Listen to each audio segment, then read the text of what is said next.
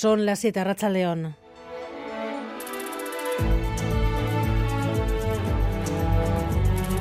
Gambara con Arancha García.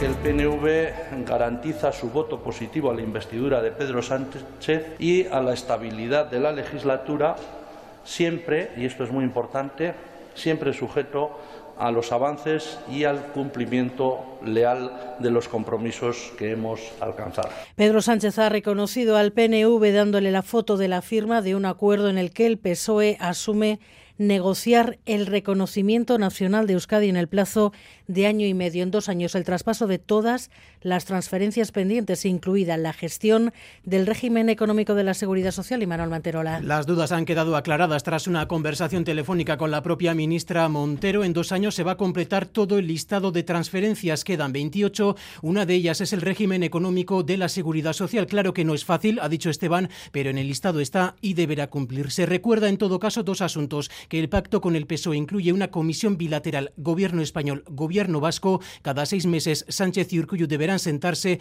y en cualquier caso los votos del PNV dicen son necesarios durante toda la legislatura. Y además autonomía para el Gobierno vasco para convocar OPEs o subir el sueldo a los funcionarios, la prevalencia de los convenios autonómicos o la armonización de nuevos impuestos, además de competencias, más competencias para la Archancha, con el apoyo del PNV y el de Coalición Canaria Moncloa. Dice que la legislatura está garantizada. El jueves de la semana que viene Pedro Sánchez tendrá 179 síes. A las 8 entrevistamos aquí en Gambara a Aitor Esteban.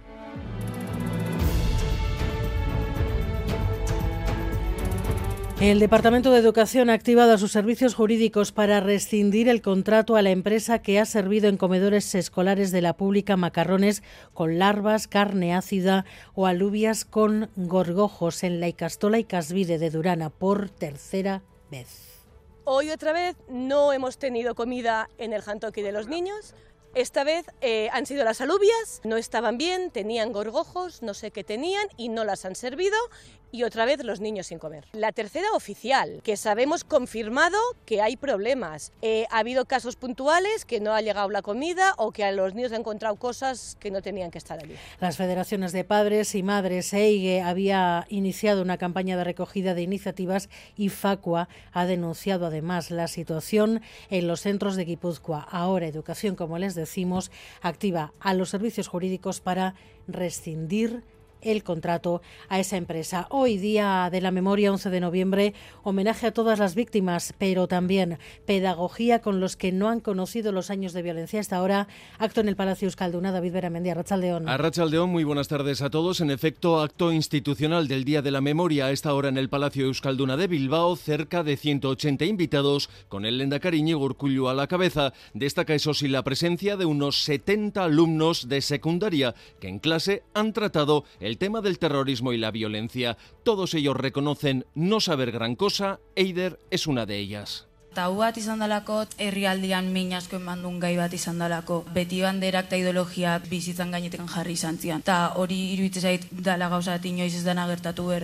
El acto continúa a esta hora, de hecho ahora mismo habla el Lendakari Urcullu y que es colofón a los numerosos actos celebrados por la mañana, por ejemplo en el Parlamento Vasco, con ofrenda floral y con presencia de todos los partidos, salvo el PP, Ciudadanos y Vox. Y enseguida hablamos con Miquel, ahí estarán el ejército israelí ha bombardeado en las últimas horas un hospital, el mayor hospital de Gaza y una escuela y decenas de muertos. Y el recado del consejero Azpiazu a Petronor e Iberdrola por cuestionar sus inversiones si se mantienen los impuestos. yo entiendo la preocupación de las empresas por los temas de regulación. Creo que la estabilidad es un valor importante para, para las empresas. Pero no creo que solo los impuestos sean un tema de regulación. No creo que solo a esas empresas estén hablando solo de los impuestos. Entre otras cosas porque han obtenido beneficios extra o beneficios, eh, digamos, récord después de haber pagado este impuesto también, ¿no? Y los deportes, Edu García, Racha León. ¿Qué tal, Racha León? Con la vista puesta en San Mamés. Hoy arranca la jornada 13 de Liga en Primera División. Lo va a hacer a las 9 con el partido entre Atlético y Celta. Una buena oportunidad para que el conjunto rojo y blanco sume tres nuevos puntos y se vaya al parón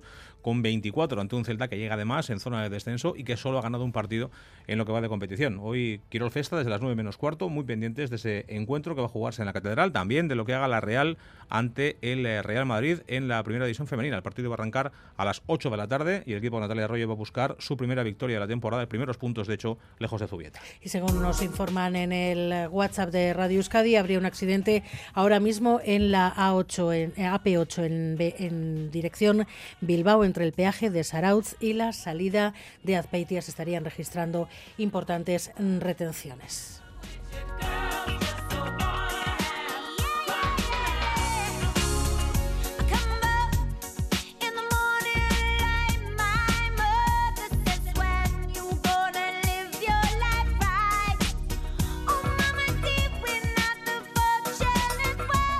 Jugar al fútbol escuchando comentarios machistas. Las jugadoras del Ibayondo tuvieron que pasar por ahí hace unos días en el campo del Basauri. El grupo no fue expulsado, los que insultaban no fueron expulsados.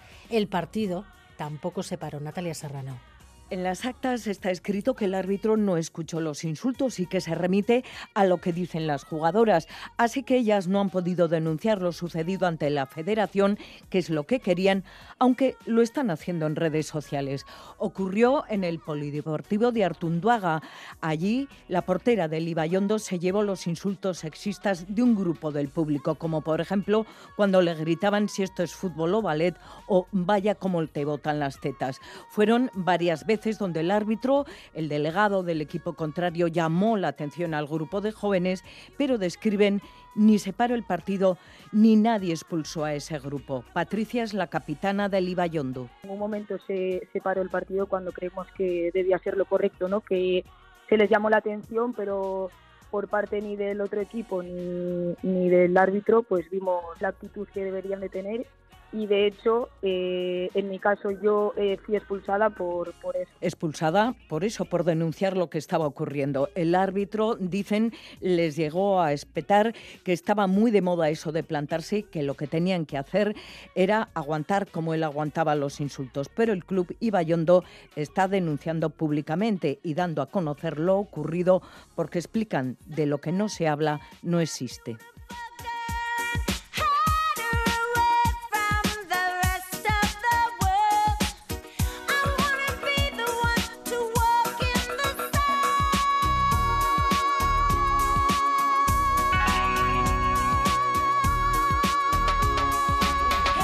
Vamos a mirar a carreteras porque hay bastantes problemas a estas horas, Gary Suárez. A Rachaldeón sí, sobre todo problemas en un punto, porque hay retenciones de más de 5 kilómetros en la AP8 en Cestoa, sentido Bilbao, y es que en ese punto ha habido un accidente entre dos vehículos y la vía está cortada sentido Bilbao porque hay una persona herida y otra atrapada en su vehículo. Así que en ese punto se está trabajando para sacar a esta persona atrapada. Recordamos en la AP8 en Cestoa, sentido Bilbao. Y desde el Departamento de Tráfico se pide mucha precaución también en la Guipúzcoa 11, en la variante Donostia, en la conexión entre la Sarteoria y Aricheta. En ese punto ha habido otro accidente con cuatro vehículos implicados.